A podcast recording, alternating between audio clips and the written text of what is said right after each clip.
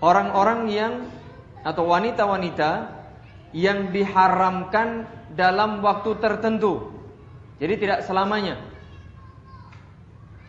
Yang pertama, al-jam'u bainal ukhtain. Tidak boleh mengumpulkan dua saudara perempuan menjadi istri seorang laki-laki dalam waktu yang bersamaan.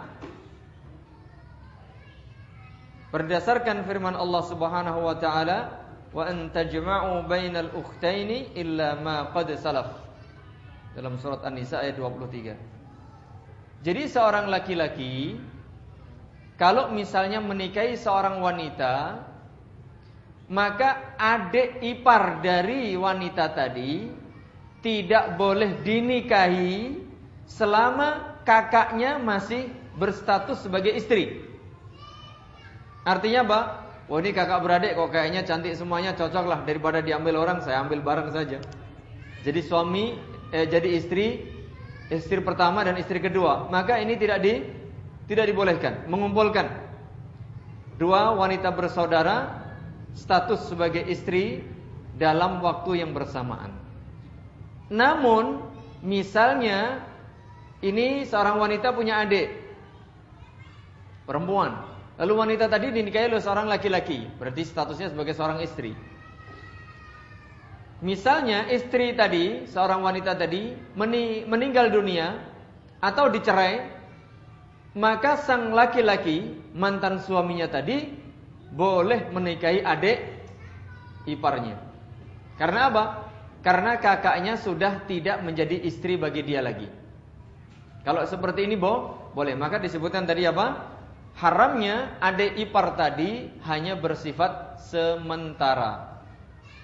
Artinya kalau misalnya kakaknya meninggal atau dicerai, maka adiknya boleh dinikahi oleh laki-laki e, mantan suaminya tadi. Bisa dipahami bu? Ada nggak di belakang ini ibu-ibu? Jangan-jangan nggak ada ini, ya? Nggak kelihatan soalnya. Ditanya diem apa diem ternyata nggak ada semua. Paham ya? Jadi tidak boleh. Dan dulu pernah saya singgung juga dalam kenyataan di masyarakat ternyata kok ya ada. Betul-betul ini sungguh-sungguh terjadi di desa saya sendiri kebetulan dan saya tahu orangnya. Saya tahu orangnya. Jadi ini laki-laki dan perempuan itu e, menikah dan masih statusnya sebagai suami istri, lalu sang laki-laki tadi menikahi adik perempuan adik istrinya tadi. Dan anehnya itu betul-betul resmi, ya, mempunyai surat e, akte nikah masing-masing. Berarti di situ ada e, penipuan tentu saja, ada manipulasi data.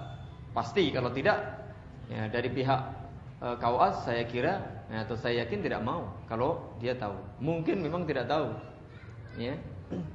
Jadi penting sekali lagi tidak boleh menggabungkan illa ma qad salaf kecuali pada zaman jahiliyah dahulu memang tidak ada aturan agama sehingga orang-orang dahulu zaman jahiliyah pada orang-orang kafir musyrikin bisa jadi ada di antara mereka yang melakukan seperti ini. Tapi setelah ya turun aturan agama Allah Subhanahu wa taala, maka ini tidak berlaku lagi. Bagaimana misalnya kasus tadi misalnya betul-betul tidak tahu orang menikah wanita dengan adiknya dan betul-betul tidak tahu bagaimana kalau setelah itu dia tahu, oh ternyata tidak boleh ini. Maka dia ada pilihan supaya memilih salah satu di antara e, istrinya itu. Jadi dia harus milih. Artinya apa? Salah satunya harus dia cerai harus dipisah karena itu tidak tidak betul. Jadi harus di harus dipisahkan, mau tidak mau dan dia harus memilih yang mana. Demikian. Yang kedua yang dilarang juga dalam waktu bersamaan dan tentu saja ini tidak selamanya ketika eh, hal-hal penghalangnya ini surati ada maka boleh dia menikahi tadi yaitu al jam'u bainal mar'ati wa ammatiha aw khalatiha tidak boleh seorang laki-laki menikahi seorang wanita sekaligus bersamaan dalam waktu yang sama menikahi bibi dari perempuan tadi, bibi istrinya. Baik bibi dari pihak ayah maupun bibi dari pihak ibu. Ini tidak di tidak diperkenankan. Jadi misalnya seorang laki-laki A menikahi seorang wanita B. Wanita B ini mempunyai bibi Misalnya adik ibu, ya. Adik ibu ini masih muda, kadang-kadang juga umurnya se sepantaran dengan dia. Bisa jadi. Mungkin ibunya ini anak pertama, nikah muda punya anak, lalu ibunya punya adik banyak yang kecil ternyata sama bareng usianya dengan anak dia. Lalu laki-laki A tadi ya, senang dengan bibi perempuan B yang namanya C misalnya. Lalu dia nikahi bersama. Maka tidak di tidak diperkenankan. Kecuali kalau dia sudah tidak berstatus sebagai suami lagi dari wanita B tadi, boleh dia menikahi wanita C tadi. Ini yang disebut dengan wanita-wanita yang diharamkan untuk dinikahi dalam waktu yang uh, sementara, artinya tidak tidak selamanya. Begitu pula uh, seorang wanita tidak boleh mengumpulkan dengan keponakannya juga sama-sama menjadi istri. Yang ketiga, jadi kalau tadi sudah pisah atau sudah e, bercerai ya e, meninggal boleh.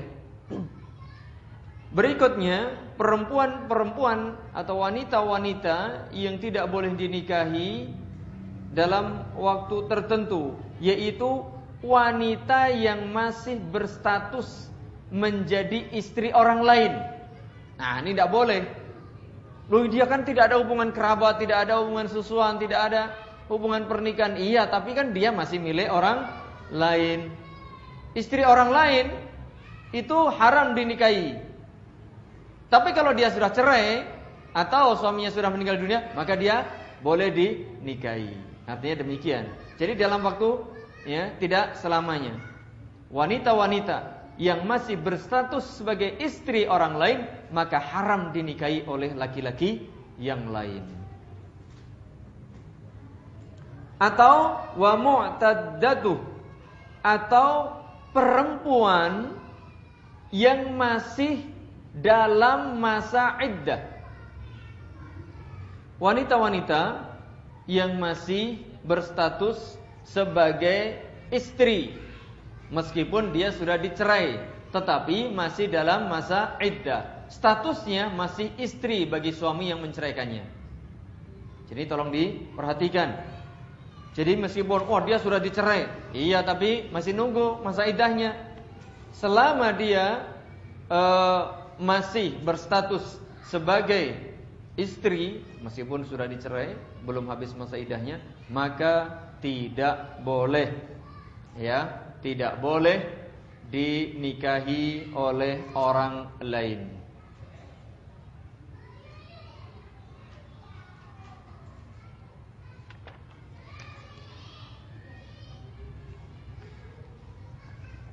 Berikutnya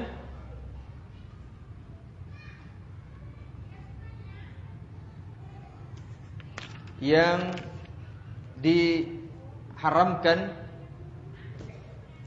untuk dinikahi. Kalau tadi masa idah ketika dia ditalak yang pertama, maka suaminya selama masa idah itu ya masih berstatus sebagai suami, sedang istrinya juga masih berstatus sebagai istri. Kecuali kecuali kalau sudah habis masa iddah lalu sang suami yang mentalaknya tadi tidak merujuknya, maka statusnya sudah menjadi wanita yang bebas. Artinya orang lain termasuk suaminya boleh menikahi dia lagi Tentu saja dengan syarat-syarat yang berlaku. Yang keempat, al-mutallaqatu salasan. Yang keempat adalah wanita yang sudah ditalak suaminya tiga kali. Dulu pernah dicerai lalu rujuk. Dicerai lagi, rujuk lagi. Nah, untuk talak yang ketiga maka dia tidak boleh rujuk lagi. Suami yang sudah mentalak istrinya sampai tiga kali, maka dia tidak boleh menikahi mantan istrinya itu lagi dalam waktu sementara tentu saja. Karena nanti ya kalau wanita tadi sudah menikah lalu dia sudah bercerai, maka dia boleh menikahi lagi dengan catatan ya, dengan syarat-syarat pernikahan yang awal lagi. Ya, bukan sekedar rujuk, tapi dengan pernikahan yang baru. Tetapi kalau wanita yang sudah dicerai sampai kali yang ketiga itu belum menikah dengan laki-laki lain dan belum bercerai, maka sang mantan suaminya yang sudah mentalak sampai tiga kali tadi tidak halal menikahi mantan istrinya tersebut. Jadi ini perlu diperhatikan, termasuk dalam hal ini adalah para suami jangan mudah mengatakan talak. Hati-hati nanti kalau sudah sampai tiga kali Ya, talak pertama, oh menyesal rujuk. Kemudian ada masalah, talak lagi yang kedua. Nah, ini kesempatan ketiga tidak bisa lagi langsung rujuk. Harus melalui prosedur ya perpisahan yang sesungguhnya. Lalu kalau pengen kembali maka syaratnya istri harus menikah dengan laki-laki lain secara benar, secara alami pernikahannya, bukan pernikahan yang dibuat-buat. Bukan pernikahan Eh, di skenario, tidak. Lalu dia sudah berhubungan, lalu dengan sebab yang lain mungkin dia bercerai, baru boleh menikahi lagi. Yang kelima, wanita atau laki-laki yang haram dinikahi dalam waktu sementara, artinya tidak selamanya, adalah menikahi wanita atau laki-laki pezina. Nauzubillahi min dzalik. Jadi para pelacur baik laki-laki maupun perempuan itu tidak boleh dinikahkan dengan wanita atau laki-laki yang baik. Jadi orang-orang baik ya, tidak boleh dinikahkan dengan pelacur, baik laki-laki maupun perempuan. Haram hukumnya. Kok sementara iya selama dia masih menjadi pelacur. Kalau misalnya Allah menghendaki laki-laki uh, atau perempuan pelacur tadi lalu bertaubat kepada Allah dengan taubatan nasuha lalu dia berubah menjadi orang baik maka boleh dia dinikahi karena statusnya bukan lagi wanita atau laki-laki pezina. Allah Subhanahu wa taala berfirman di dalam surat An-Nur ayat 3, "Az-zani la yamkihu illa zaniyatan aw musyrikatan." Seorang laki-laki pezina itu tidak boleh menikah dengan wanita baik-baik kecuali dengan pezina juga atau laki eh, perempuan-perempuan musyrik. Sebaliknya wazaniyatu la yankihuha illa zanin aw musyrik. Wanita pezina tidak boleh menikah dengan eh, laki-laki uh, yang baik. Bolehnya dengan sesama pezina atau laki-laki yang musyrik. Wa dzalika laki-laki pezina atau perempuan pezina itu haram hukumnya bagi orang-orang yang beriman. Kecuali apa tadi? Bertaubat karena orang yang bertobat dari dosa itu ya bersih dia statusnya. Dulunya orang kafir bertaubat menjadi seorang muslim. Dulunya orang musyrik bertaubat menjadi seorang muwahhid.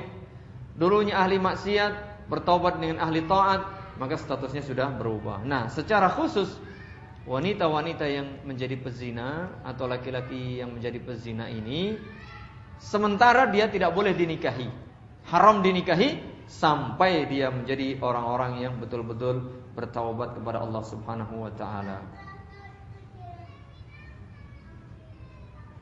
Ini wanita-wanita yang haram dinikahi dalam waktu tertentu, artinya tidak selamanya.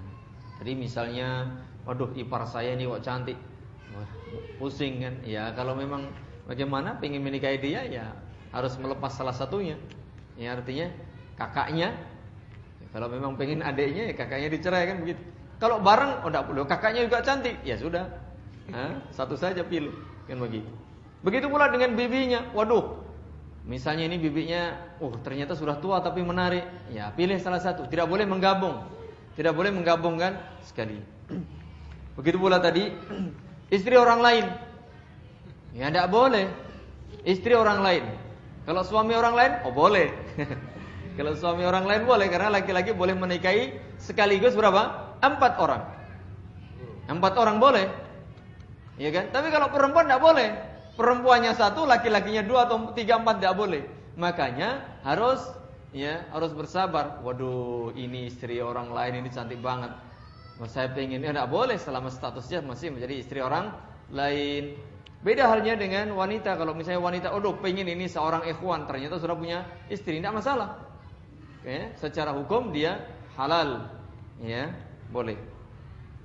Begitu pula tadi ya wanita yang ditalak sudah kali yang ketiga, maka ini tidak boleh menikah lagi meskipun menyesal. Makanya hati-hati para suami, para bapak jangan mudah mengucapkan kata cerai atau talak kepada istrinya. Karena penyesalan itu adanya sesudah sudah terjadi. Kemudian eh, tadi ya menikahi laki-laki atau perempuan pezina. Ini jelas tidak di tidak diperbolehkan. Berikutnya ibu-ibu dan bapak-bapak yang saya muliakan rahimani wa ada bentuk-bentuk pernikahan yang e, tidak sah, yang batil, yang fasid. Dan pernikahan ini tentu saja tidak diperkenankan oleh syariat agama kita.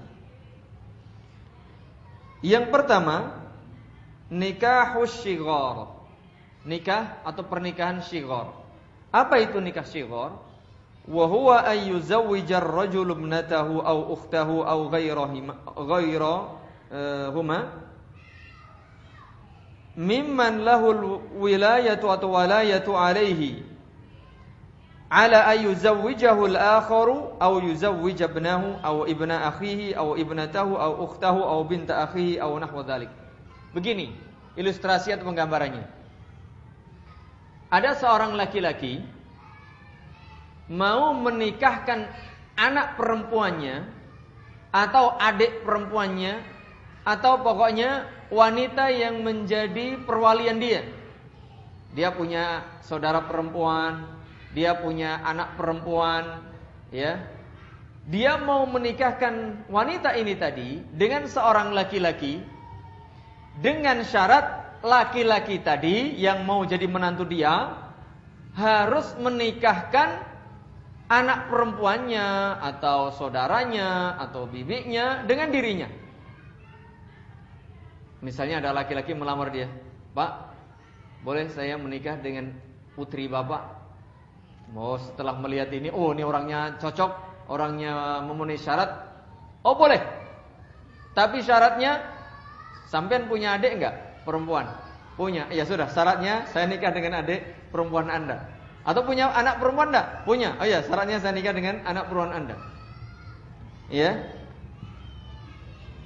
Dan status akad pernikahan dengan syarat seperti ini adalah fasid. Artinya rusak alias tidak sah. Sawa'un dzukira fihi mahrun amla, baik disebutkan mahar ataupun tidak. Ini nanti ada dua pendapat. Ya, kalau disebutkan mahar maka boleh, tapi kalau tidak tidak boleh. Wallahu taala a'lam bisawab. Di dalam kitab Al-Wajiz yang kita baca ini eh, baik disebutkan mahar ada mahar atau tidak, maka hukumnya adalah fasid alias rusak. Tidak sah. Maka ini tidak diperkenankan. Menikahi seorang wanita atau menikahkan seorang wanita dengan syarat laki-laki tadi menikahkan wanita-wanita yang di bawah perwaliannya kepada dirinya. Yang kedua dan ini beliau sebutkan beberapa dalil di antaranya uh, beliau Rasulullah sallallahu alaihi wasallam melarang dalilnya adalah disebutkan dalam As-Sahihain dari sahabat Ibnu Umar anna Nabi sallallahu alaihi wasallam manaha 'anis syighar. Nabi sallallahu alaihi wasallam melarang e, model pernikahan syighar. Begitu pula karena ini larangan dari Nabi, Allah Subhanahu wa taala berfirman, "Wa ma ata wa ma ataakumur rasulu fakhudhuh." Apa saja yang Allah e, Ar-Rasul perintahkan maka ambil, "Wa ma nahakum anhu fantahu." Apa saja yang Nabi larang maka jauhi. Karena ini Nabi melarang berarti kita tidak diperkenankan melakukan pernikahan syighar. Begitu pula dalam Sahih Muslim dari sahabat Abu Hurairah radhiyallahu anhu bahwa Rasulullah sallallahu alaihi wasallam melarang pernikahan syighar. Yaitu apa? Wasyigharu ay yaqula ar-rajul lirrajul. Seseorang berkata kepada orang lain, "Zawwijni ibnatak." Nikahkan aku dengan anakmu wa uzawwijuka ibnati. Lalu aku juga nikahkan kamu dengan anakku. Au zawwijni ukhtak wa uzawwijuka ukhti. Atau seorang laki-laki mengatakan, nikahkan aku dengan e, saudara perempuan kamu dan kamu aku nikahkan dengan saudara perempuanku dengan syarat demikian. Maka ini tidak di tidak diperkenankan. Begitu pula dalam hadis yang lainnya, la fil Islam. Tidak ada pernikahan model syighar di dalam agama Islam.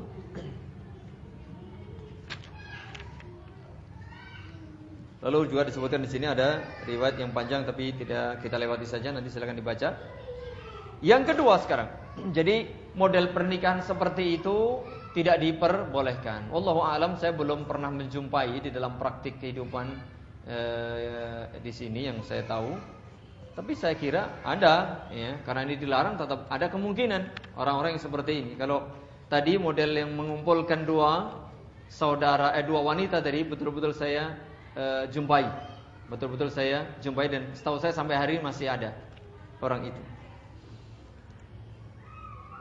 Begitu pula ada kasus uh, yang saya dikasih tahu kalau ini di tempat kami sekarang. Jadi tempat saya sekarang itu ada bapak-bapak tua umurnya sudah 70 sekian. Dulu dia ternyata pernah menikahi wanita yang bersaudara, kakak dan adiknya. Dia cerita kepada saya orang ini. Tetapi setelah dia dikasih tahu oleh seorang ustadz, lalu adiknya dicerai. Ya, ini terjadi. Dan ini orang ini sudah tua sekarang, masih hidup. Ya, yang sekarang yang menjadi istrinya yang sah adalah kakaknya. Adapun adiknya sudah dia lepas dan sudah menikah lagi dengan orang lain yang sudah mempunyai anak bahkan mempunyai cucu. Itu betul-betul terjadi. Ya, bisa jadi karena tidak tahu atau bisa jadi sudah tahu tapi ya ngakali kalau ini seperti ini maka hukumnya jelas ini istihza ya e, mengolok-olok ayat Allah, hukum Allah maka hukumnya bisa jadi kufur kalau sudah tahu. Adapun kalau belum betul belum tahu urusannya lain. Mungkin orang-orang yang sama sekali tidak tahu lalu dia menikah, maka setelah dia tahu dia harus melepas salah satunya. Pernikahan yang dilarang yang kedua yang berapa sekarang? Model pernikahan yang dilarang adalah nikahul muhallil. Yaitu pernikahan al-muhallil yang menghalalkan. Artinya wa huwa ay yatazawwajal mutallaqata thalathan ba'da inqida'i iddatiha. Yaitu seorang laki-laki menikahi seorang wanita yang sudah ditalak kali ketiga tadi, talak bain tadi, setelah tentu saja habis masa idahnya, lalu dia menikahi tadi. Karena apa? Mantan suaminya sudah tidak boleh menikahi, tidak boleh menikahi mantan istrinya yang sudah dia talak sampai tiga kali tadi. Kecuali dia mantan istrinya sudah menikah dengan laki-laki lain, lalu sudah berhubungan, lalu sudah dicerai, atau sudah e, berpisah misalnya, baru dia boleh menikah dia dengan dia lagi. Tapi kalau tidak maka tidak boleh. Nah, ini nikahul muhallil, ini nikah akal-akalan. Jadi seseorang menikahi wanita yang sudah e, ditalak sampai kali ketiga, summa. Setelah dia nikahi, lalu dia cerailah perempuan tadi. Litahilla li zawjihal awal dengan harapan agar mantan istri eh, mantan suami yang pertama yang dahulu mencerai dia sampai tiga kali itu bisa menikahi lagi dengan dengan wanita tadi. Nah, kalau pernikahan ini pernikahannya hanya skenario, maka hukumnya fasid, ya, tidak sah dan hukumnya haram. Termasuk bahkan ini termasuk dosa besar. Mengapa? Karena bikin akal-akalan. Kecuali kalau betul-betul tadi perempuan menikah secara alam ya, betul-betul menikah dengan eh, seorang laki-laki lalu dalam perjalanan pernikahan mungkin dia tidak cocok lalu bercerai atau suaminya yang kedua ini meninggal Nah baru boleh misalnya mantan suami yang pertama yang dahulu mencerai sampai tiga kali itu pengen lagi Ya, namanya orang kadang-kadang menyesal ya, maka baru boleh. Tapi kalau ini tadi hanya hanya dibuat-buat, hanya akal-akalan, maka ini tidak diperbolehkan. Tidak diperbolehkan. Dan ini kayaknya ada model seperti ini.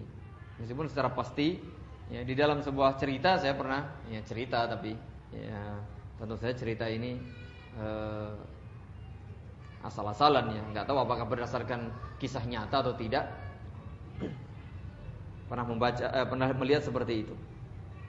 Ini dalam prakteknya saya belum melihat, tetapi ini bisa jadi terjadi karena memang dilarang oleh agama, dilarang oleh agama dan kita hendaknya berhati-hati. Wa hadzal naw'u min az-zawaji kabiratun min kaba'iril itsmi wal fawahish. La yajuz kata beliau. Perbuatan e, mengada-adakan ya membuat skenario seperti ini termasuk dosa besar, termasuk perbuatan keji dan hukumnya tidak boleh. Sawa'un syarata dzalika fil 'aqdi aw ittafaqa 'alaihi qabla al-'aqdi aw nawahu ahaduhuma biqalbihi wa fa'iluhu mal'un. Baik tadi itu adalah kong kaling kong antara suami pertama mantan suami pertama dengan laki-laki tadi. Misalnya gini, waduh, kamu nggak mau saya bayar pura-pura jadi menikah dengan mantan istri saya biar nanti saya bisa menikah dengan dia lagi. Nah, seperti ini, kong kalingkong. Ya. Kong kalingkongnya dengan laki-laki atau dengan yang perempuan juga. Ya. Ya udahlah nikah dengan saya saja, nanti sebentar kemudian kamu saya cerai agar kamu bisa menikah lagi dengan mantan suamimu. Atau barangkali tanpa ada uh, akad seperti ini. Misalnya, laki-laki yang mencerai tadi adalah saudara kita. Lalu kita tahu saudara kita itu menyesal habis. Dan kita kasihan sama saudara kita. Udahlah, saya berkorban deh menikahi mantan kakak ipar saya. Ya. Dia nggak ngomong-ngomong dengan catatan nanti saya cerai lagi.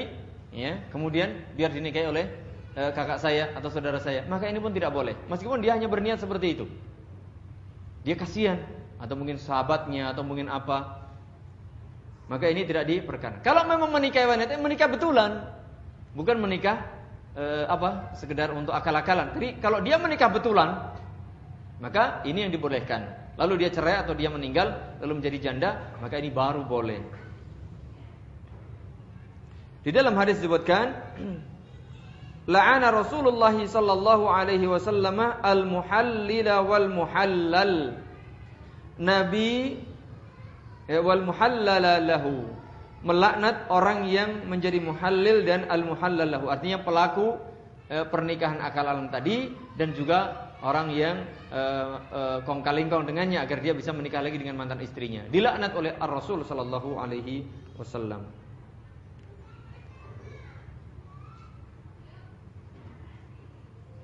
Begitu pula Ja'a rajulun ila ibni Umar radhiyallahu anhuma ada seorang laki-laki datang bertanya kepada Ibnu Umar radhiyallahu anhu, fasalahu an rajulin. Laki-laki tadi menanyakan tentang sebuah kasus. Ada seorang laki-laki talaqa imra'atahu salasan yang sudah mencerai istrinya sampai kali yang ketiga. Fatazawwajaha akhun lahu min ghairi mu'amaratin minhu. Lalu saudara dari laki-laki tadi menikahi mantan kakak iparnya tanpa ada perintah, tanpa ada kongkalingkong darinya. Tapi niat dari adik ipar tadi liyuhalliha li akhi agar nanti dia ceraikan lalu dia mantan kakak iparnya itu bisa halal, bisa menikah lagi dengan kakak kakak kandungnya. Bagaimana kasus seperti ini? Ya. Hal tahillu lil awal apakah setelah nanti dia cerai ya, dicerai oleh laki-laki saudaranya tadi, apakah perempuan tadi halal bagi mantan suami pertamanya yang sudah mencerai sampai kali ketiga? Qala Ibnu Umar radhiyallahu anhu menyatakan la tidak illa nikah ragbatin kecuali pernikahan ya mantan istrinya itu dengan laki-laki lain betul-betul pernikahan yang alami, pernikahan yang sesungguhnya karena suka sama suka, ragbah karena memang ingin menikah, bukan sekedar ingin ya menghalalkan tadi dirinya dengan mantan suaminya. Kunna na'udhu hadha sifahan ala ahdi Rasulullah sallallahu alaihi wasallam. Kami ya menganggap perbuatan seperti ini sebagai perbuatan perzinaan pada zaman Rasulullah sallallahu alaihi wasallam. Karena ini uh, nikahnya adalah nikah yang tidak betulan bukan karena keinginan tapi hanya skenario saja. Maka ini tidak di, tidak diperkenalkan. Ini model pernikahan yang haram uh, yang kedua. Dan kemungkinan memang ada seperti ini. Apalagi orang yang pertama ini mungkin seorang pejabat atau dia kaya, duitnya banyak tapi temperamen. Sebentar-bentar kamu bisa cerai. Ya, akhirnya sampai ketiga dia menyesal. Lalu dibiarlah orang lain. Kamu saya bayar pura-pura nikah istri saya, habis itu kamu cerai lagi. Yang ketiga, pernikahan yang diharamkan adalah nikahul mut'ah. Nikah mut'ah. Wa yusamma zawaj al-muaqqat disebut juga kawin kontrak, kawin kontrak artinya sampai waktu yang ditentukan. Wazawajal munqati atau pernikahan yang putus nanti akan e, secara otomatis dia terlepas kalau waktu yang ditentukan sudah habis. Wa huwa ay ar-rajulu 'ala al-mar'ati yawman aw usbu'an aw syahran aw ghairu dhalika min al-ajalil ma'lumah yaitu bila seorang laki-laki menikahi seorang wanita dengan catatan dalam tempo atau waktu tertentu bisa sehari, bisa sepekan, bisa sebulan atau setahun. Misalnya dia menikah ya dalam tempo yang telah ditentukan. Kalau habis masa tadi berakhir pula pernikahan mereka. Misalnya sehari semalam. Ya sudah, begitu selesai sehari semalam statusnya sudah bukan suami istri lagi lagi menurut mereka wa huwa zawajun muttafaqun ala tahrimihi. Perhatikan di sini. Pernikahan mut'ah ya adalah pernikahan yang telah disepakati keharamannya. Wa idzan aqada yaqa'u batilan dan kalaupun terjadi adanya nikah mut'ah maka itu akadnya adalah akad yang batil tidak sah. Sehingga apa? Statusnya mereka tetap berzina.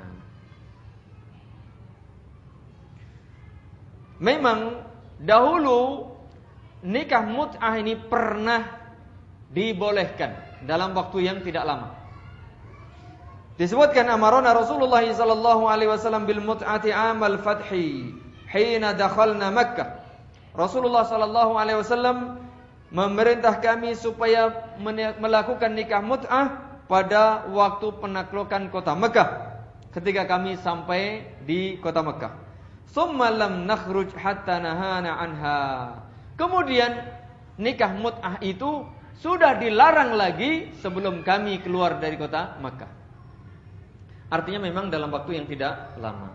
Pernah memang dibolehkan, tetapi setelah itu diharamkan ila yaumil qiyamah sampai hari kiamat. Oleh karena itulah kalau ada oknum organisasi madhab pendapat kelompok yang mengatasnamakan agama Islam yang salah satu ajarannya membolehkan bahkan menganjurkan nikah mut'ah maka sesungguhnya pemahaman ini adalah pemahaman yang keliru sesat lagi menyesatkan. Karena bertentangan dengan dalil-dalil syar'i yang tegas bahkan ini sepakat umat Islam akan keharamannya ila yaumil qiyamah.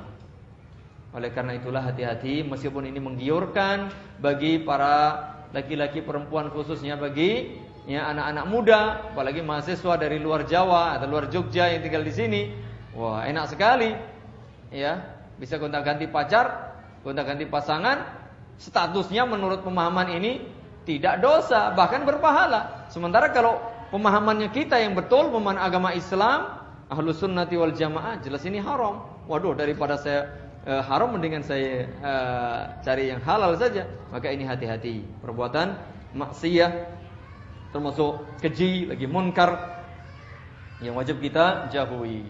Termasuk pula jangan sampai ya apalagi atas nama mungkin orang-orang yang kaya, orang-orang mungkin pejabat yang selama ini konon katanya e, juga sering pergi luar kota, begini begitu, sementara duit juga banyak. Wah daripada beli itu haram, jelas kalau prostitusi Perzinaan haram katanya. Tapi kalau ini ditawari, Pak, ini enggak haram Pak, kalau ini halal katanya.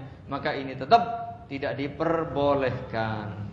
Hati-hati sekali lagi model pernikahan mut'ah yang konon katanya ini juga sudah marah, apalagi eh, propaganda pemahaman ini mulai gencar, mulai terang-terangan, termasuk di eh, daerah istimewa Yogyakarta ini Setahu saya sudah sejak tahun 90-an sekian itu sudah ada model-model seperti ini pemahamannya.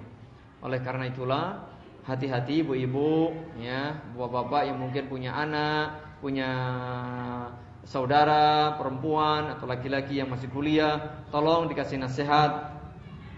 Jangan terjebak dalam perzinaan terselubung yang dikemas ya dengan baju perzinaan. Ini sangat berbahaya. sangat berbahaya dan eh, konon katanya juga sempat ya ada laporan tak meskipun penelitian ini valid atau tidak ya, akhir-akhir ini ada sebagian yang meneliti di mahasiswi UIN Sunan Kalijaga Yogyakarta itu konon katanya juga sudah sekian persen banyak yang biasa ya tidak eh, apa sudah biasa melakukan eh, seks bebas bisa jadi barangkali mungkin ada pemahaman-pemahaman seperti ini. Oleh karena itulah hendaknya hal-hal e, seperti ini perlu disampaikan. Dan kita harus tegas menyatakan bahwasanya pemahaman nikah seperti ini adalah nikah yang fasid atau yang batil yang tidak sah. Tentu saja pelakunya kalau pernikahannya tidak sah ya apa? Statusnya apa? Statusnya adalah ber, berzina. Wal'iyadu billah.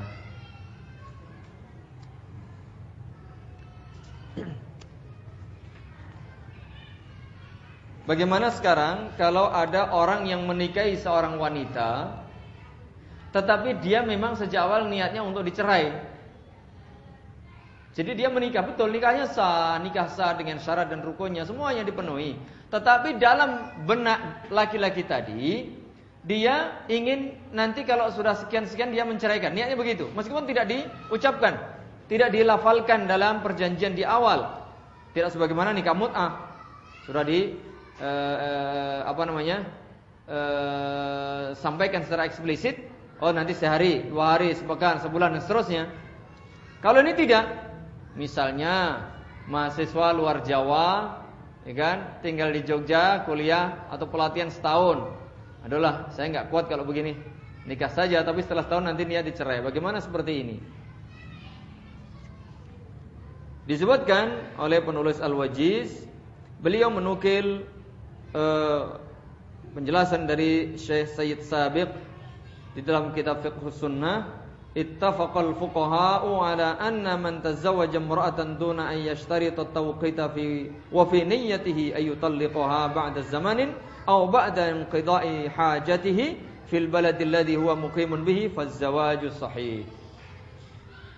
Ahli fikih bersepakat bahwa seorang laki-laki yang menikahi seorang wanita ya eh, tanpa mensyaratkan untuk menikahi dalam waktu tertentu tetapi di dalam hatinya dia berniat untuk mencerai istrinya itu tadi setelah waktu tertentu atau setelah kebutuhannya selesai di sebuah negeri tempat ia tinggal. Seperti tadi misalnya, oh, ada orang luar Jawa eh, nikah S2 eh, kuliah S2 di Yogyakarta. Lalu selama dua tahun dia menikah. Dia tidak mengatakan kepada istrinya, kamu saya nikahi dua tahun saya tidak. Ya dia menikah. Tapi hati kecilnya menyatakan nanti kalau saya sudah selesai kuliah saya, ya, saya cerai istri saya. Bagaimana seperti ini? Ya, maka nikahnya sah secara uh, hukum sah. Namun beliau menyebutkan wa khalafa al-Auza'i fa'tabarahu zawaj mut'ah. Tetapi Imam Auza'i ya tidak setuju dengan model uh, uh, pernikahan yang dikatakan sah oleh ahli fikih seperti ini tadi. Karena beliau menyatakan berpendapat bahwa pernikahan seperti ini sama halnya dengan pernikahan mut'ah. Meskipun tidak disebutkan di awal. Kalau mut'ah jelas. Ya dia nikah selama berapa hari, selama berapa bulan, selama berapa tahun, begitu. Kalau ini tidak, Tetapi niat seorang laki-laki sudah e, ingin menceraikan tadi.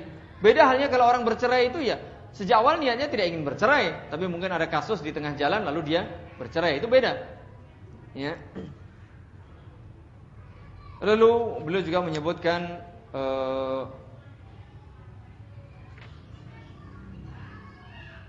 pendapat dari Syekh Rashid Ridha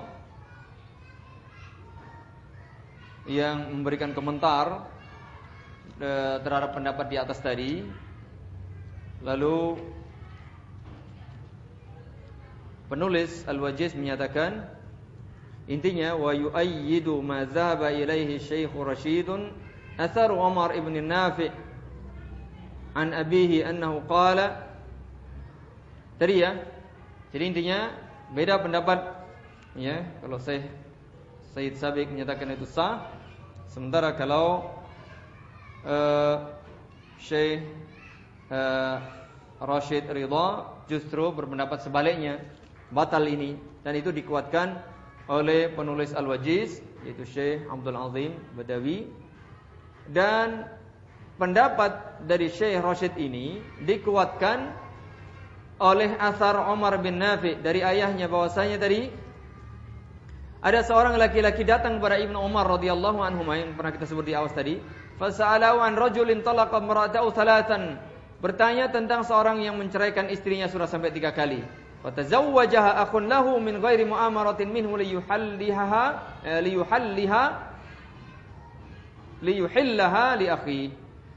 Lalu saudara laki-laki tadi menikahi mantan istri kakaknya tanpa perintah, tanpa kesepakatan dengan laki-laki tadi. Ini betul-betul ini inisiatif sang adiknya tanpa diketahui sang kakaknya. Agar apa? Agar nanti dia cerai lalu sang kakak bisa menikah dengan mantan iparnya itu.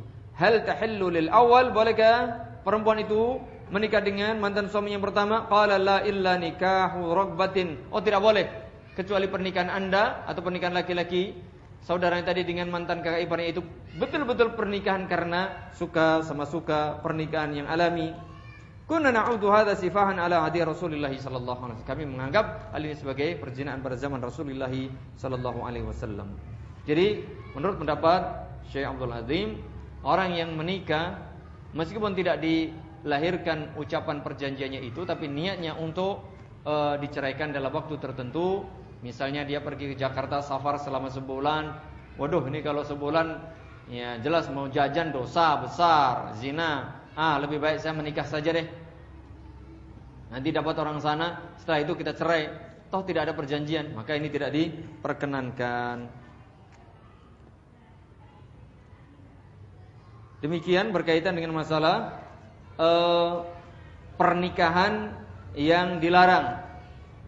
Ada nikah syigor, tadi seorang ingin menikahkan saudara atau anak perempuannya dengan laki-laki lain dengan syarat saudara atau laki-laki tersebut menikahkan pula anak atau saudaranya. Begitu pula ada nikah uh, al-muhallil tadi ya. Model uh, akal-akalan bila seorang wanita sudah dicerai sampai kali ketiga maka tidak halal bagi mantan suaminya itu kecuali setelah menikah dengan eh, laki-laki uh, lain lalu dia sudah bercerai lalu uh, selesai masa idahnya dan baru boleh dengan dia menikah lagi. Tapi kalau pernikahan perempuan tadi dengan laki-laki lain sekedar akal-akalan agar perempuan itu bisa menikah lagi maka ini hukumnya batil dan tidak sah. Dan yang terakhir adalah pernikahan mut'ah yaitu kawin kontrak ya dalam waktu dan e, kesempatan yang terbatas yang memang sejak awal nanti e, mau berpisah. Begitu pula tadi ilustrasi yang kedua, meskipun bukan nikah mut'ah secara e, jelas, secara sharih, tapi e, di sini dianggap juga ya sehingga lebih baik untuk ditinggalkan. Beliau berpendapat ini hukumnya tidak tidak diperkenankan. Demikian insyaallah taala eh, pertemuan ke depan kita lanjutkan hak-hak suami istri yang tentu saja ini wajib kita ketahui bersama agar kita bisa melaksanakan kewajiban kita ya terhadap pasangan kita dengan sebaik-baiknya. Semoga Allah Subhanahu wa taala memberikan manfaat akan pertemuan kita pada pagi hari ini. Semoga Allah memberi kita ilmu yang bermanfaat dan amal yang saleh dan tentu saja kita bisa istiqomah di atas pemahaman agama yang benar. Allahumma amin. Subhanakallahumma wa bihamdika asyhadu an la ilaha illa anta astaghfiruka wa atubu ilaik. Sallallahu ala nabiyyina Muhammad walhamdulillahi rabbil alamin. Assalamualaikum warahmatullahi wabarakatuh. Ya Ustaz, kakak saya menyusui anak tetangga bersamaan dengan anaknya sendiri. Anak yang menyusu bersama itu menjadi mahram dan tidak boleh menikahkan Bagaimana dengan adik-adiknya atau kakak-kakaknya dari anak-anak yang menyusu tadi? Apakah seluruhnya menjadi mahram atau hanya dua anak atau hanya dua anak yang menjadi eh, yang menyusu tadi menjadi mahram? Mohon penjelasannya. Syukran jazilan. Okay. Jadi kalau memang susuan itu ya susuan itu harus dilihat dahulu ketika susuan bayi tersebut itu sebelum usia 2 tahun. Artinya sebelum usia disapih. Kemudian eh, susuan itu sampai lima kali. Sampai lima kali. Artinya apa? Lima kali susuan yang dia sampai kenyang. Artinya ketika menyusu dia betul-betul sampai kenyang. Sampai dia lepaskan sendiri, dia betul-betul kenyang sampai lima kali. Kalau memang demikian, minimal ya seperti itu, maka ini statusnya seperti status ya, status e, hukum pernikahan dalam kaitan dengan pernikahan itu bisa kita gambarkan e, berarti itu anak e, kakak punya anak dan dia menyusui anak tetangga, maka anak tetangga itu anggaplah sebagai anak sendiri, gitu. Anak tetangga itu kalau memang sudah memenuhi syarat ya persusuan, maka seakan-akan dia anak sendiri. Berarti apa? Ya, nanti berlaku anak dia seluruhnya menjadi mahram dengan anak tadi. Begitu pula dengan saudara-saudara yang lainnya. Ya, dengan dengan saudara-saudara yang yang lainnya. Karena itu betul-betul uh, menjadi uh, mahram sebagaimana mahram menasab. Ya, jadi bukan hanya anak itu saja, tapi tapi juga yang yang lainnya. Jadi berlaku untuk untuk semuanya. Jadi bukan hanya anaknya itu saja, tapi juga berlaku untuk yang yang lainnya. Jadi demikian. Wallahu taala a'lam bissawab. Baik, terima kasih Ustaz atas jawaban yang diberikan. Kemudian pertanyaan selanjutnya. Ustaz, bila udah talak tiga, lalu ingin bersama lagi, apakah keduanya harus menikah dengan yang lain dulu, atau hanya salah satunya aja? Misal mantan istrinya yang menikah aja, atau sebaliknya. Dan mana yang harus ditaati? Kalau udah talak tiga tapi belum diurus ke pengadilan agama masih bisa bersama masih bisa bersama nggak Ustaz? Mengingat sulitnya atau mahalnya untuk mengurus perceraian di pengadilan. Mohon penjelasannya Ustaz. Nah, ini ini kemungkinan ada terjadi seperti ini memang. Kaitannya dengan ini. Nah, ini tolong kalau betul-betul ini terjadi, wah ini sangat berbahaya. Jadi begini, kalau talak bain, talak yang sudah sampai ketiga kali, ya itu ti, suami tidak boleh lagi kalau rujuk jelas tidak boleh. Kalau rujuk itu tanpa nikah lagi ya. Misalnya seorang laki-laki mencerai istrinya. Ya. Maka itu dihitung talak satu. Dia kalau misalnya dia menyesal lalu pengen balik lagi, selama masih masa iddahnya, dia ya boleh, sudah langsung jadi suami istri lagi. Artinya apa? Nggak usah menikah awal lagi, tidak ada pernikahan baru. Tadi sudah bilang, saya rujuk sama kamu, eh sudah. Itu menjadi istri lagi, otomatis ya. Tetapi kalau yang ketiga, begitu dia sudah sampai talak yang ketiga, maka ini tadi disebutkan apa? Al-muharramat, ya, al-muaqqat, yang yang terbatas waktunya. Artinya sudah tidak boleh lagi menikah saat itu, kecuali yang menikah itu yang perempuan, Bu, bukan yang laki-laki. Jadi syaratnya sang istri yang sudah dicerai sampai talak tiga itu syaratnya agar bisa kembali menikah dengan Tentu saja kembali menikah dengan pernikahan baru loh ya. Dengan pernikahan baru dengan mantan suaminya yang sudah mencerai tiga kali itu. Syaratnya seorang istri tersebut atau wanita tersebut harus sudah menikah dengan laki-laki lain. Dan nikahnya tadi kita sampaikan. Bukan nikah akal-akalan. Bukan karena skenario. Tetapi betul-betul menikah alami, nikah betulan. Lalu suaminya itu meninggal atau dia cerai. Setelah itu baru dia boleh menikah lagi dengan mantan suami yang telah mencerai dia tiga kali tadi. Ya, ini makanya sulit bu, berat ini. Hati-hati ya, jangan sampai jangan sampai demikian. Kalau terjadi memang sulit terus terang ini. Permasalahannya rumit, sangat rumit, ya, sangat rumit.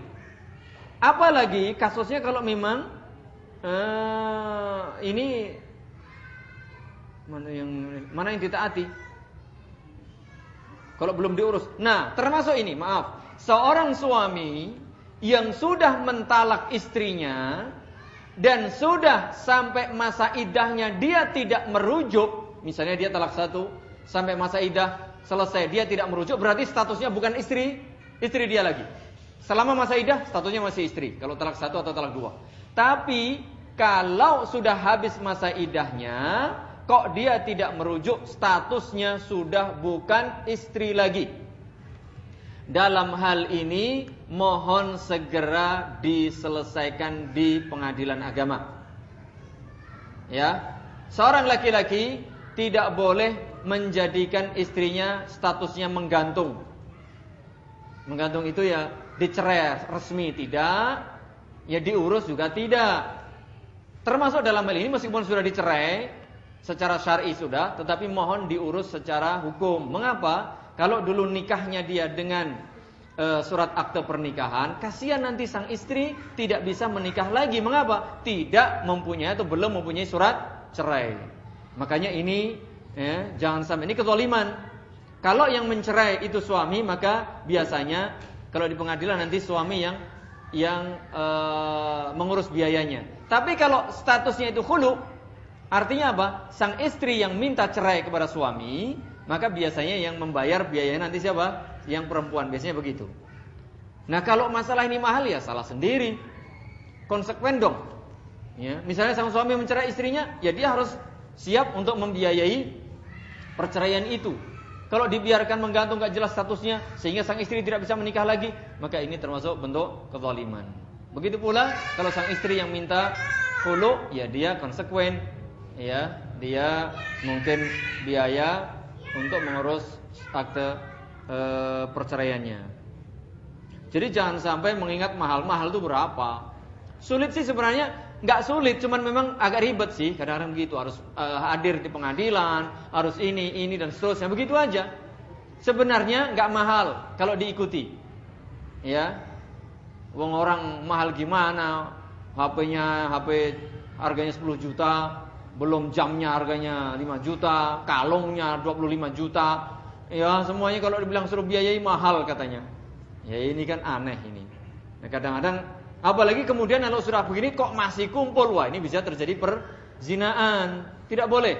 Kalau sudah cerai, talak sampai ketiga, maka mohon untuk segera berpisah dan kalaupun memang belum diurus secara formal, tolong ini tidak kumpul lagi. Ya, jangan serumah lah, berbahaya. Iya, Allah taala alam bisawab. Baik, terima kasih Ustaz atas jawaban yang diberikan.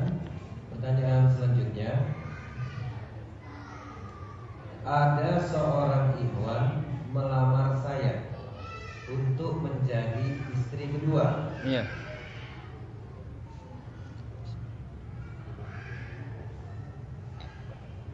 istrinya sendiri yang melamar saya untuk suaminya. Subhanallah. Ini bukan saya saat ini. Oh, itu bukan. saya kira Pak Jendra. Bukan, bukan. Ini istri solehah ini. Saya menerima lamaran tersebut. Namun orang tua saya menolak dengan banyak alasan seperti tidak ingin menjadi omongan orang Orang tua lalu berpesan kepada saya agar tidak mengambil milik orang lain. Manakah yang lebih utama bagi saya Ustaz? mengikuti kehendak orang tua saya atau tetap menerima lamaran tersebut. Ikhwan tersebut tetap ingin menikahi saya, namun orang tua tetap menolak. Mohon nasihatnya, Ustaz.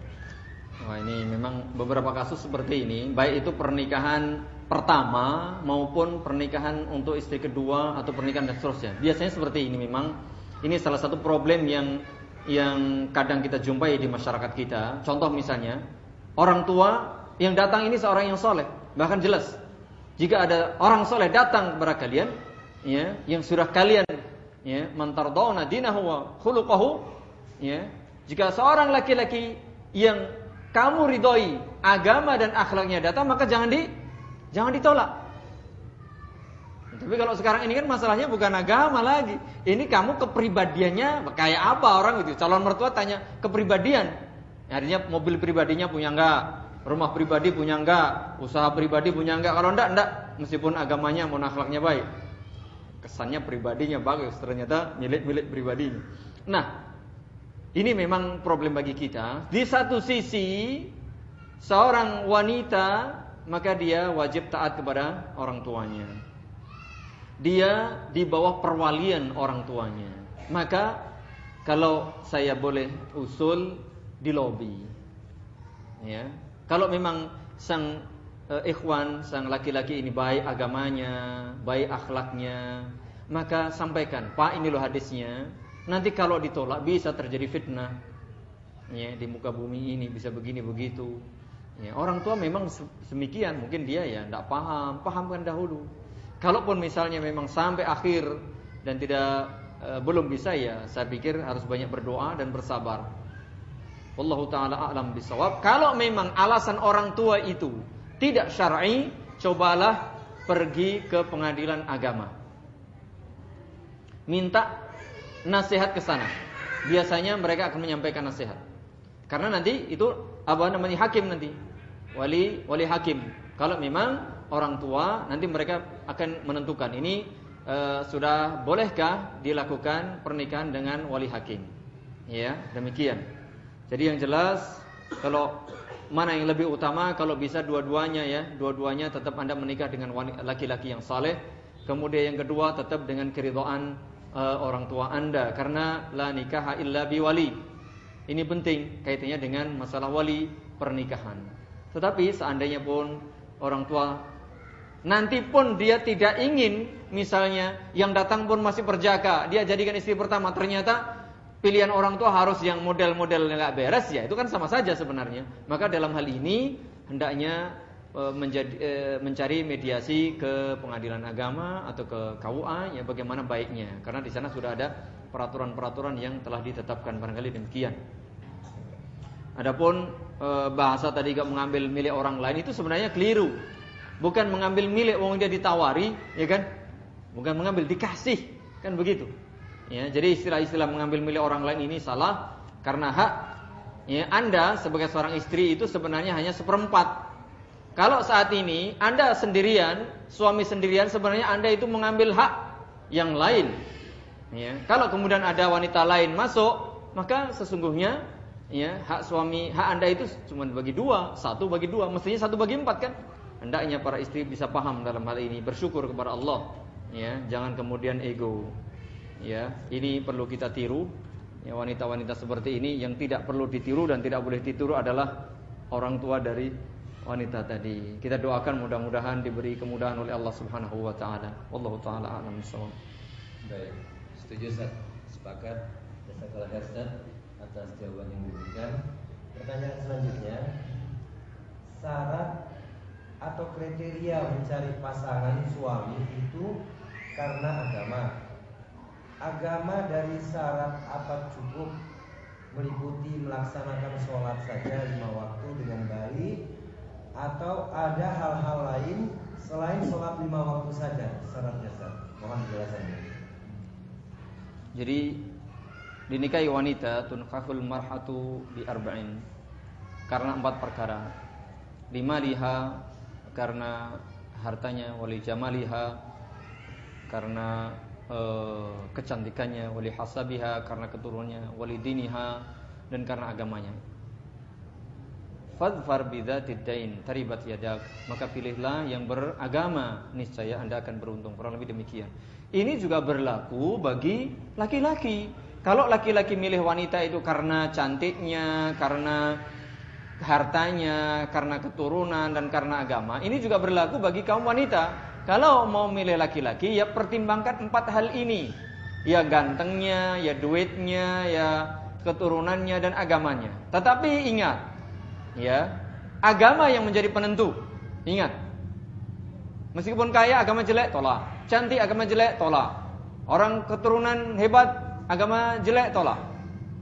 Berlaku bagi laki-laki maupun perempuan. Kalau misalnya agamanya bagus, cantik, alhamdulillah. Agamanya bagus, keturunan baik, alhamdulillah. Agamanya bagus, kaya, alhamdulillah. Atau misalnya agama plus satu, agama plus dua, apalagi agama plus tiga, ini yang kita cari. Ya, meskipun sulit, sulit sekali. Nah, khusus berkaitan dengan masalah agama, betul memang, ya, ini masalah penting. Tetapi bukan sekedar dia mengerjakan sholat. Kalau ada laki-laki tidak mengerjakan sholat, langsung tolak. Meskipun dia ganteng, meskipun dia kaya, meskipun dia keturunan orang hebat. Kalau dia tidak sholat, maaf, langsung tolak saja dan tidak usah dipikir. Karena kalau diamat-amati nanti dipikir-pikir malah jadi subhat. Ah nanti kan saya ajak, nanti kan saya ini. Enggak. Kalau dia enggak sholat sudah enggak, jangan. Ini berbahaya. Tapi bukan berarti sekedar sholat lima waktu. Karena bisa jadi orang sholat lima waktu itu ya sekedar sholat. Tapi kadang-kadang dia masih musyrik, artinya berbuat syirik. Maka yang paling utama adalah masalah akidahnya. Ya diskusi nggak apa-apa. Jadi kalau menerima itu jangan hanya info teman saya begini baik-baik, oh ya terima. Enggak. Ini loh kadang-kadang kesalahan kita. Dikorek habis lah pokoknya. Iya. Cari kalau perlu ngutus intel atau cari apa begitu. Diinvestigasi betul. Iya. Jadi tetapi jangan berlebihan. Kalau berlebihan nanti nggak ada orang hebat. Nggak jadi menikah sampai hari kiamat karena apa? Semua mesti kekurangan. Artinya apa? Dalam batas-batas tertentu cari dulu. Ya. Khususnya masalah akidah. Akidahnya benar atau rusak? Orang yang ternyata ini rajin ibadah ini ternyata dia ya dukun, bisa jadi. Oh, enggak, eh, sulit kalau sudah seperti ini. Dukun ternyata. Ya. Jadi hati-hati ya masalah seperti ini. Jadi yang paling pertama adalah masalah akidahnya. Masalah akidahnya. Bagaimana cara mengetahuinya? Di antaranya lihat temannya.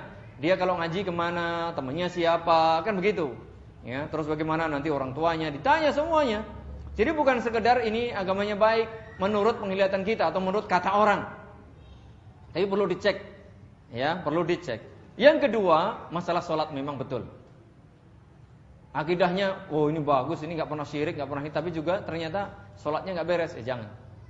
Terus akhlaknya, yang ketiga adalah akhlaknya. Mungkin akidahnya bagus, sholatnya baik, tapi dia temperamen. Temperamen itu sebentar-bentar pukul.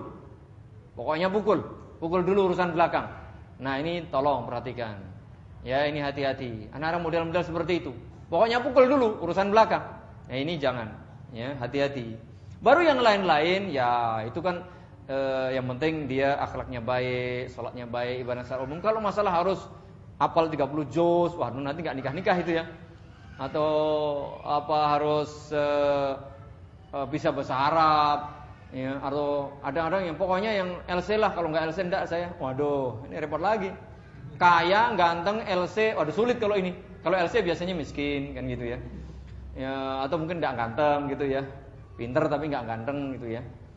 Atau yang masih muda kaya muda gini. Oh ya biasanya yang kaya itu sudah tua kan begitu. Jadi repot memang. Jadi kalau dicari semua repot. Minimal tadi ya akidah yang benar ibadah secara umum praktis. Khususnya sholat, khususnya sholat. Dan yang ketiga akhlaknya, akhlaknya baik ini saja. Adapun yang lain-lain, ya perlu diperhatikan loh ya. Jangan sampai masalah fisik, ya tidak apa-apa lah saya, tidak punya hidung, tidak apa-apa, oh, jangan. Ya, yang penting laki-laki, enggak, ya enggak. Hitam kosong enggak apa enggak, jangan. Lihat dulu. Ya, belum tentu nanti kalau ada masalah, aduh dipikir-pikir nanti Iya menikah pertama bagus, akhlaknya bagus, ininya bagus, semua akhlak sudah. Tapi nanti ketemu mertua, ketemu teman, aduh suamimu kok gosong misalnya. Ya kan nanti lama-lama dia nggak tahan ya kalau dia sabar. Kalau tidak, namanya orang, hati itu bisa berubah-berubah. Makanya tetap diperhatikan masalah fisik. Diperhatikan masalah ekonomi, meskipun tidak menjadi standar ukuran. Contoh ekonomi bagaimana? Misalnya dia biasa hidup hidup enak, belum tentu nanti hidup sulit dia siap. Ya minimal yang tidak sampai nggak punya duit misalnya. Misalnya seperti itu. Jadi eh, ini perlu dipertimbangkan meskipun bukan sebagai tolak ukur utama. Tolak ukur utama tetap agama. Nah, tetap agama. Kalau sekarang masih miskin, ya sekarang belum punya pekerjaan, tapi insya Allah yughnihimullahu min fadlih. Allah akan me membuat dia kaya dengan karunia-Nya. Jadi ingat, menikah itu justru membuat orang kaya. Jangan takut miskin karena menikah. Tapi justru menikah itu membuat dia kaya kalau niatnya memang betul. Jadi sekali lagi masalah ini tetap dipertimbangkan tapi jangan berlebihan. Berlebihan itu kadang-kadang kita melampaui batas. Kita ini biasa-biasa tapi yang dicari terlalu tinggi. Ya ya monggo kalau mungkin sampai umur 45 tahun tidak dapat ya itu resiko.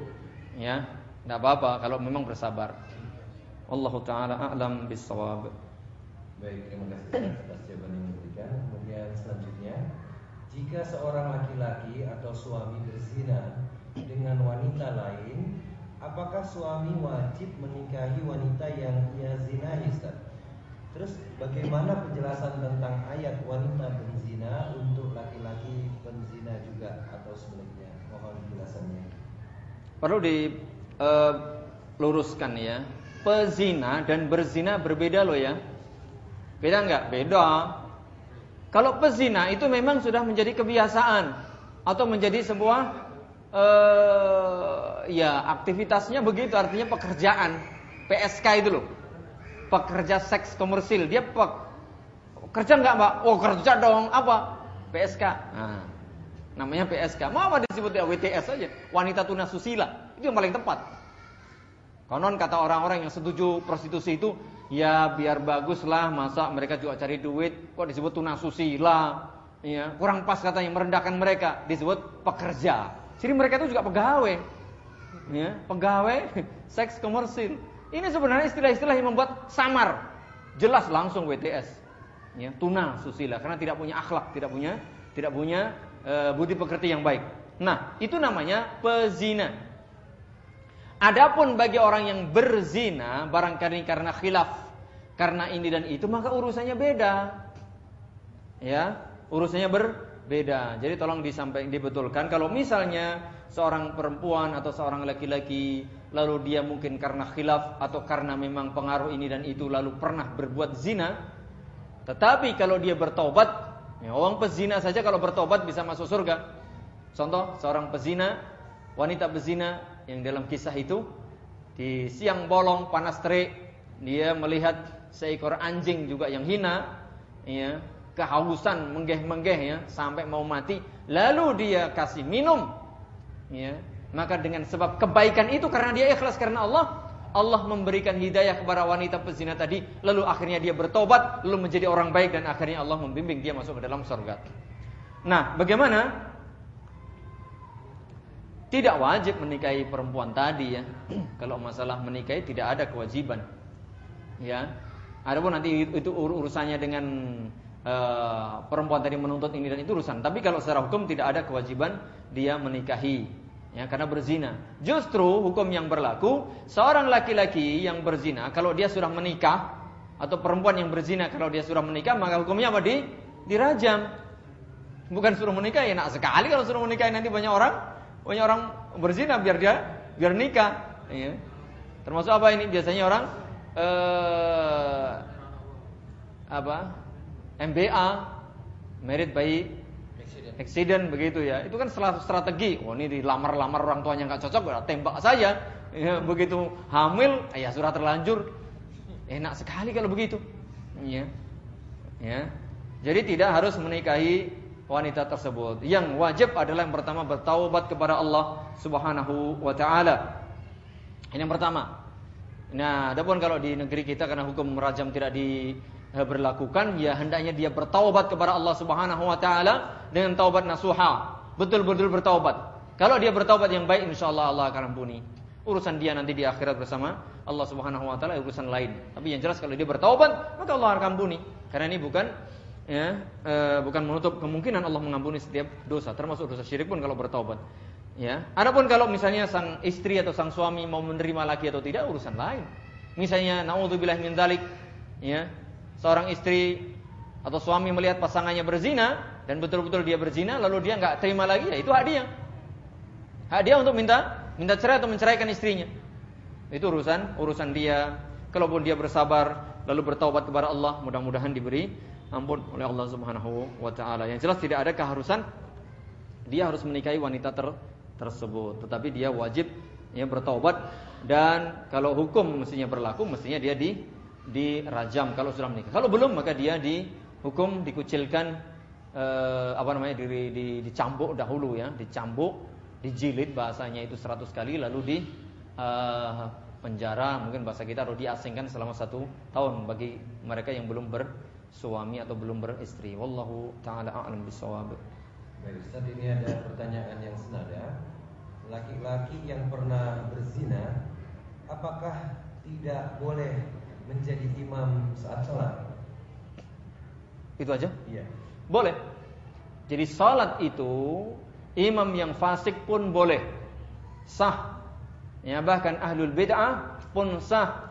Ahlul maksiat sah menjadi imam sholat Selama dia kebid'ahannya, kefasikannya tidak mengeluarkan dia dari daerah Islam. Artinya, misalnya kebid'ahannya tetap hanya bid'ah-bid'ah yang ringan atau kemaksiatannya kemaksiatan ringan yang secara status dia masih sebagai seorang muslim. Tapi kalau kemaksiatan atau kebid'ahan termasuk eh, perbuatan-perbuatan lain itu sudah membuat dia atau pelakunya keluar dari agama Islam maka hukumnya haram tidak sah sebagai imam. Contohnya misalnya e, kebid'ahannya e, sampai menghalalkan yang haram atau mengharamkan yang halal atau dia misalnya berbuat syirik akbar. Atau dia berprofesi sebagai dukun. Maka tidak boleh. Karena ini bisa bisa e, sampai kepada kekufuran dan murtad. Atau dia mengikuti misalnya paham Syiah Rafidhah. Tidak boleh kita berimam kepada orang Syiah. Atau Ahmadiyah ya. Karena dia sudah mengakui ada nabi lagi misalnya. Maka tidak boleh. Tapi kalau masalah mungkin dia pernah berzina gitu ya maksud saya dia pernah berzina lalu dia bertobat. Memang tidak masalah. Sama halnya maaf. Kadang-kadang kita tidak sadar bahwa itu kemaksiatan. Contoh merokok jujur saja. Imam-imam masjid kita ini masih banyak nggak yang merokok?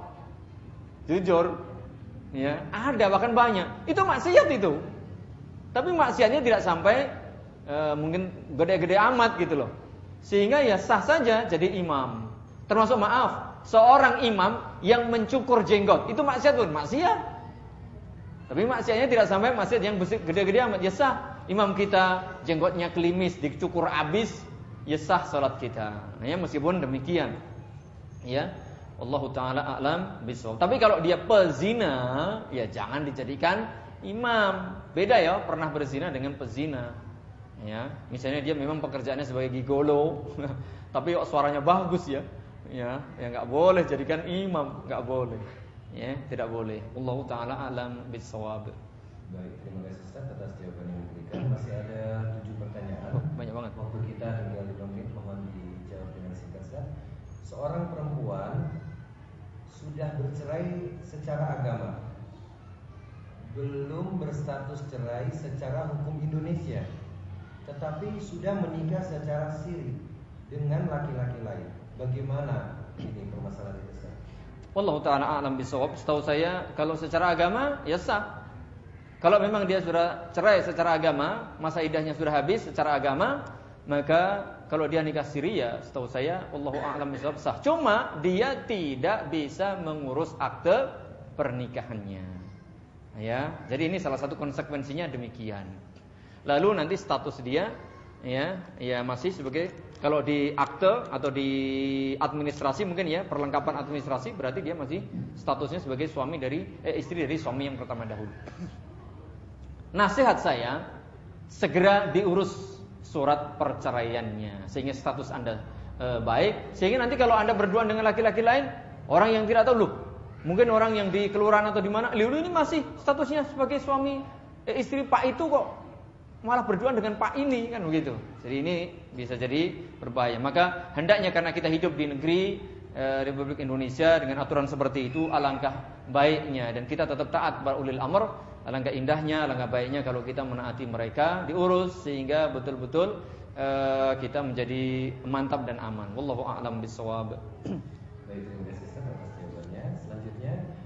Apakah pernikahan suatu pernikahan itu sah jika seorang suami untuk menikah lagi dengan memalsukan statusnya, untuk menikah lagi kepada wanita yang ya. sudah digaulinya dan wanita itu hamil, dia memalsukan statusnya sudah iya. istri nikah lagi. Iya, jadi ini saya mendengar beberapa kasus, meskipun saya tidak tahu persis benar masalah. Konon katanya, seorang laki-laki sudah bersuami, eh, sudah bersuami.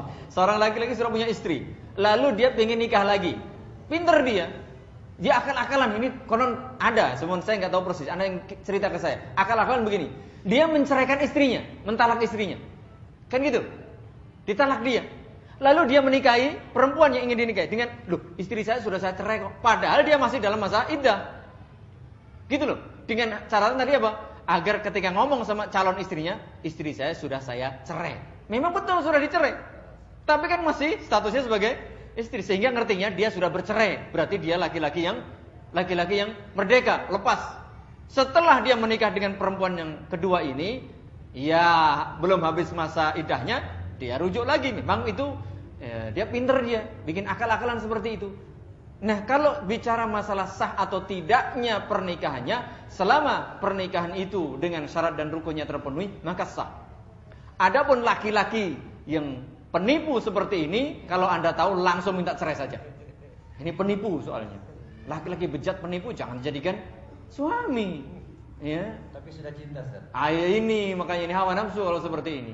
Jadi meskipun hebat dia, ganteng dia ini, tapi kalau dia penipu, maaf ya. Orang kalau sudah nipu, itu pengkhianatan paling besar.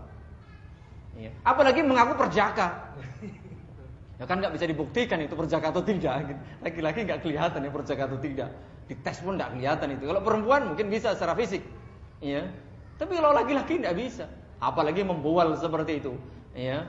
Makanya penting ya para ibu ini maaf sekali Wanita itu lemah terus terang saja. Sehebat apa Anda cerdas, pinter apa, sudah ngaji solehah. Tapi kalau sudah kena rayuan gombal, Masya Allah, hati-hati. Apalagi laki-lakinya memang ganteng, memang perlente, mungkin bawa kepribadinya banyak. Ternyata cuma sewaan. Ya. Mobil ternyata nyewa, ini nyewa. Itu banyak yang tertipu seperti ini. Nauzubillah min dzalik. Hati-hati wanita. Memang wanita itu maaf, maaf ya. Maaf sekali lagi. Memang kalau sudah melihat materi itu kadang-kadang lupa agamanya. Materialistis, hati-hati dengan penampilan. Yang datang ini udah ya, jenggotnya lebat, juga bajunya lusuh, ini ya kadang-kadang aduh nggak tertarik. Tapi yang datang perlente ini padahal penipu ulung ini banyak yang sudah ditiduri berapa konon kasusnya seperti itu. Mengapa? Karena perlente penampilannya. Nauzubillah min dzalik. Mengapa? Kelemahan wanita karena mengandalkan penampilan fisik. Hati-hati ibu-ibu punya saudara, punya uh, anak nanti ya jangan sekedar melatih penampilan. Ya, termasuk seperti ini. Ya, kalau saya tahu langsung saya tonjok ini kalau perlu laki-laki seperti ini. Betul. Penipu soalnya. Ya, jadi jujur saja kalau mau nikah lagi jujur saja apa adanya enak kan ditolak. Ya, alhamdulillah ditolak karena memang belum mau kan cari yang mau seperti tadi. Iya. Ya, subhanallah. Jadi nggak masalah. Lebih enak jujur meskipun ditolak berkali-kali. Saya punya teman saya ini laki-laki yang ahli tolak katanya. Seringkali dia suka ngebet banget ya, pengen nikah. Kalau ada ini akhwat janda itu didatangi dia, ditolak. Enggak apa-apa, dia pede banget dia. Ya, enggak masalah, tapi kan jujur. Apa adanya. Ya. Itu subhanallah dia jujur banget. Saya kalau sebulan minta sekian ya, saya mampunya cuma 300 ribu kira-kira mau enggak ya? Siapa yang mau 300 ribu anaknya 5 kan begitu ya? Contoh seperti ini, ya enggak apa-apa daripada menipu. Jadi sekali lagi Ya, ini saya nasihat saya agak sedikit banyak karena ada beberapa kasus konon katanya juga demikian. Wanita ini ya sudah lupa segalanya ketika melihat penampilan lahiriah. Hati-hati, laki-laki juga kadang-kadang berpenampilan ikhwan tapi ternyata hatinya penipu, ya. Hati-hati. Wallahu taala alam. Nauzubillah min dzalik. Demikian ya. Terima kasih Ustaz atas jawabannya. Selanjutnya bagaimana hukumnya Ustaz kalau ada seorang bapak yang ingin menikahkan anaknya tapi anaknya adalah hasil hubungan di luar nikah. Apakah sah pernikahan tersebut? Tidak sah. Jadi ayah ini bukan ayah syar'i tetapi ayah biologis. Yang berhak menikahkan adalah hakim. Dalam hal ini adalah uh, pemerintah. Ya, naudzubillah min dzalik.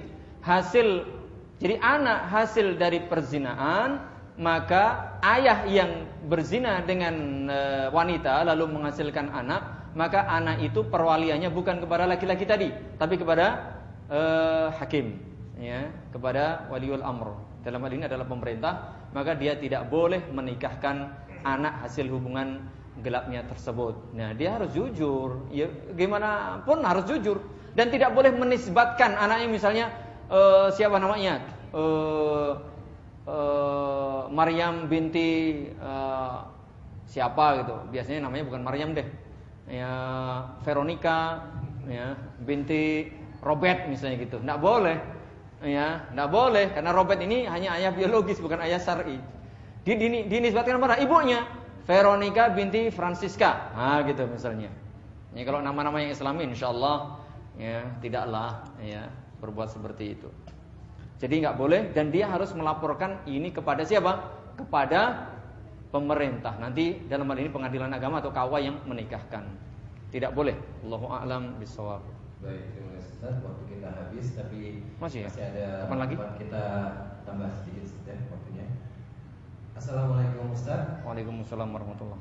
Mau tanya apa aja yang dilakukan seorang istri ketika masa idah? Apakah boleh melakukan ziarah? Apa terus tetap tinggal di rumah suami atau boleh langsung pulang ke rumah orang tuanya? Jadi seorang e, wanita yang mu'taddah yang masih dalam masa iddah, ingat ya, orang yang dicerai, wanita yang dicerai dari suaminya tetapi masih dalam iddah, itu statusnya masih istri. Jangan disalahpahami. Ya, kadang-kadang sudah langsung minta pulang tidak boleh.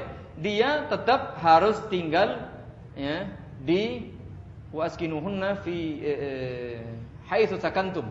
Ya, di tempat ya, dia tinggal. Jadi seorang wanita tetap tinggal di rumah suaminya meskipun suaminya masih mencerai dia.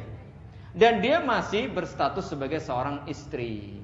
Tidak boleh dia e, ke mana-mana, e, tidak boleh pulang, e, tidak boleh. Ya artinya harus statusnya masih istri lah. Cuman dia masih dalam proses dicerai oleh suaminya. Ya. Nah dalam masa itu kalau suaminya rujuk ya sudah. Jadi tetap sama. Ya, semuanya sama statusnya, hanya bedanya dia dalam kondisi masa menunggu apakah suaminya nanti betul-betul jadi mau menceraikan dia atau kemudian dia mau e, merujuk kembali. Jadi tidak boleh e, langsung pulang ke rumah orang tuanya, tidak boleh. Ya, tidak boleh. Bahkan seorang suami yang baik pun kalau seandainya menceraikan istrinya ya nanti kembalikan baik-baik ya kepada keluarganya. Jangan kemudian dulu diambil baik-baik kemudian dipulangkan suruh pulang sendiri jangan. Ya, jadi baik-baik demikian. Jadi statusnya masih sebagai seorang istri, kecuali habis masa idahnya sang suami tidak merujuk, maka dia statusnya sudah bukan lagi sebagai seorang istri bagi suami itu. Tentu saja tidak boleh tinggal serumah karena sudah bukan eh, istri lagi. Tapi selama dia masih istrinya, dia tetap tinggal serumahnya. Dan dia berhak mendapatkan nafkah sebagaimana biasanya. Nafkah juga berhak, ya, tempat tinggal berhak, semuanya berhak. Wallahu a'lam bishawab. Baik. Terima kasih atas jawaban yang diberikan. Kemudian pertanyaan selanjutnya di luar dari tema sat, mohon dijawab dengan singkat saja. Bismillah, apa hukum memasak memakai pala? Pernah mendengar kalau hukumnya haram? Ini pertanyaan sering muncul sudah dijawab oleh Ustaz Bahrudin, tapi silakan. Saya tidak tahu pala itu apa. Rempah-rempasan. Iya, maksud saya belum tahu karena uh, al-hukmu ala syai'in far'un an tasawwuri penetapan hukum terhadap sesuatu itu bagian dari penjelasan, penggambaran, deskripsi dari masalah tersebut. Sedangkan saya pala tidak tahu, ya, pala itu bagaimana. Untuk menentukan hukum halal tidaknya pala, maka harus dilihat dahulu pala itu, ya, apakah pala itu memang hukum asalnya haram atau tidak, ya, maka wallahu alam bisawab. Karena hukum asal memang halal kecuali diharamkan. Termasuk nanti ada memang tumbuhan, ada benda, ada binatang yang diharamkan, ada. Ya tentu saja dengan dalil-dalil khusus misalnya yang mukhabbirat yang membuat eh, apa termasuk narkoba itu kan hukum asalnya ya kalau memang dia membuat apa? Membuat halusinasi membuat ini hukumnya tidak boleh. Tapi pala saya tidak tahu. Belum ada saya pernah membaca belum tahu. Nanti silakan ditanyakan mungkin atau di fatwa mungkin ada ya, ya. Allahu a'lam bisawab Baik Ustaz, terima kasih atas jawabannya. Kemudian selanjutnya Assalamualaikum Ustaz. Waalaikumsalam warahmatullahi Ahwan pertanyaan tidak sesuai tema Bagaimana hukumnya BPJS Oh ini sekolah ya. Apa BPJS? BPJS nanti akan diterangkan hari Ahad insya Allah tanggal 23 oleh Dr. Erwandi Oh iya, silakan tunggu Masjid Pogung Raya Iya, insya Allah tanggal 20, 23 ya? Tanggal 23 Desember atau November? Oh iya, 23 November insya Allah Ta'ala Ustadz eh, Irwandi Termizi akan menjelaskan secara tuntas tentang BPJS dan ini memang perlu kita uh, ketahui bersama karena kita juga tidak tahu bagaimana sistem BPJS sesungguhnya. Apakah murni itu nanti ribawi atau tidak maka ini perlu penjelasan. Nah itu pun nanti konon katanya seluruh warga negara Indonesia wajib. Kalau sudah begitu hukumnya beda lagi. Ya kan? Kalau itu pilihan kalau memang ada unsur ribanya kita boleh memilih. Tetapi kalau nanti sudah wajib ya wallahu a'lam bishawab makanya mudah-mudahan ya pemerintah kita nanti bisa mempertimbangkan aspirasi umat Islam yang betul-betul menghilangkan sistem ribawi. Ya demikian. Allah alam okay. mohon maaf keluar dari tema pertanyaan tentang rupiah selalu saya bila mana seorang selalu saya bila mana seorang minta di rupiah maka dia sudah tidak termasuk lagi menjadi golongan yang masuk surga tanpa hisab namun bagaimana jika seseorang terkena sihir atau di masa lalunya dia mempelajari ilmu tenaga dalam mhm. sehingga gangguan jin, jinnya ini jin kiriman atau instalan benar nyata benar nyata ya benar nyata ada dalam dirinya. Mhm. Pertanyaan, apakah lebih baik atau lebih utama berdoa tawakal dan hanya melakukan rukiah mandiri atau meminta untuk di rukiah syar'i kepada orang lain Iya.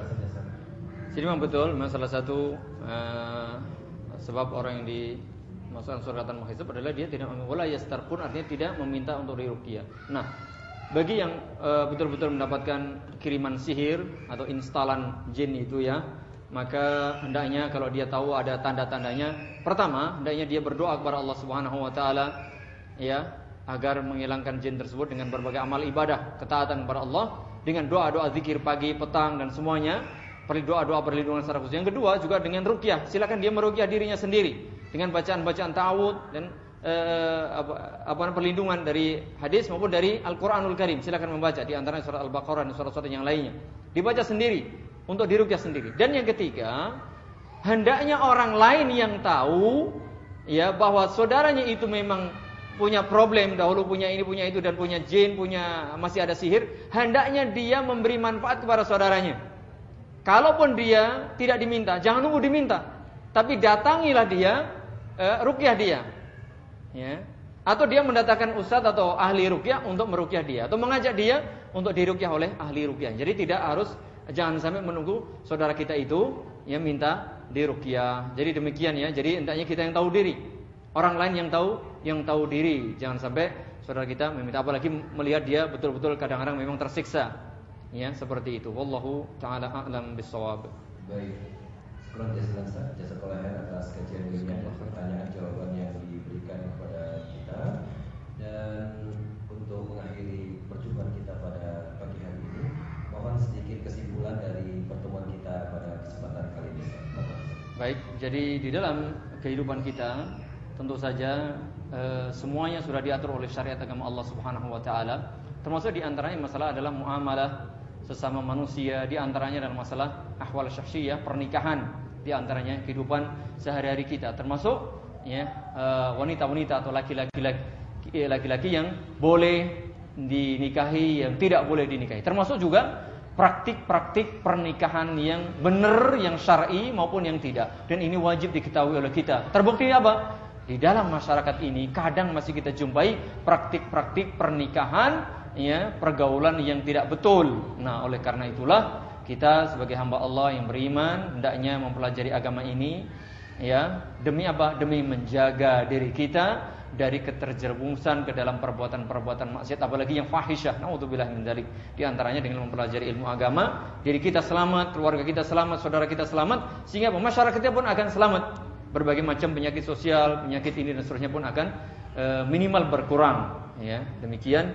Di antara pernikahan yang barangkali saat ini lagi eh, propagandanya marah adalah pernikahan pernikahan mut'ah padahal itu sudah diharamkan ila yaumil qiyamah. Hendaknya diperhatikan baik-baik eh, dihindari disampaikan ke mana-mana bahwa itu adalah propaganda orang-orang yang tidak suka kepada pemahaman agama kita yang mulia. Allah taala alam bisawab. Assalamualaikum warahmatullahi wabarakatuh. Waalaikumsalam.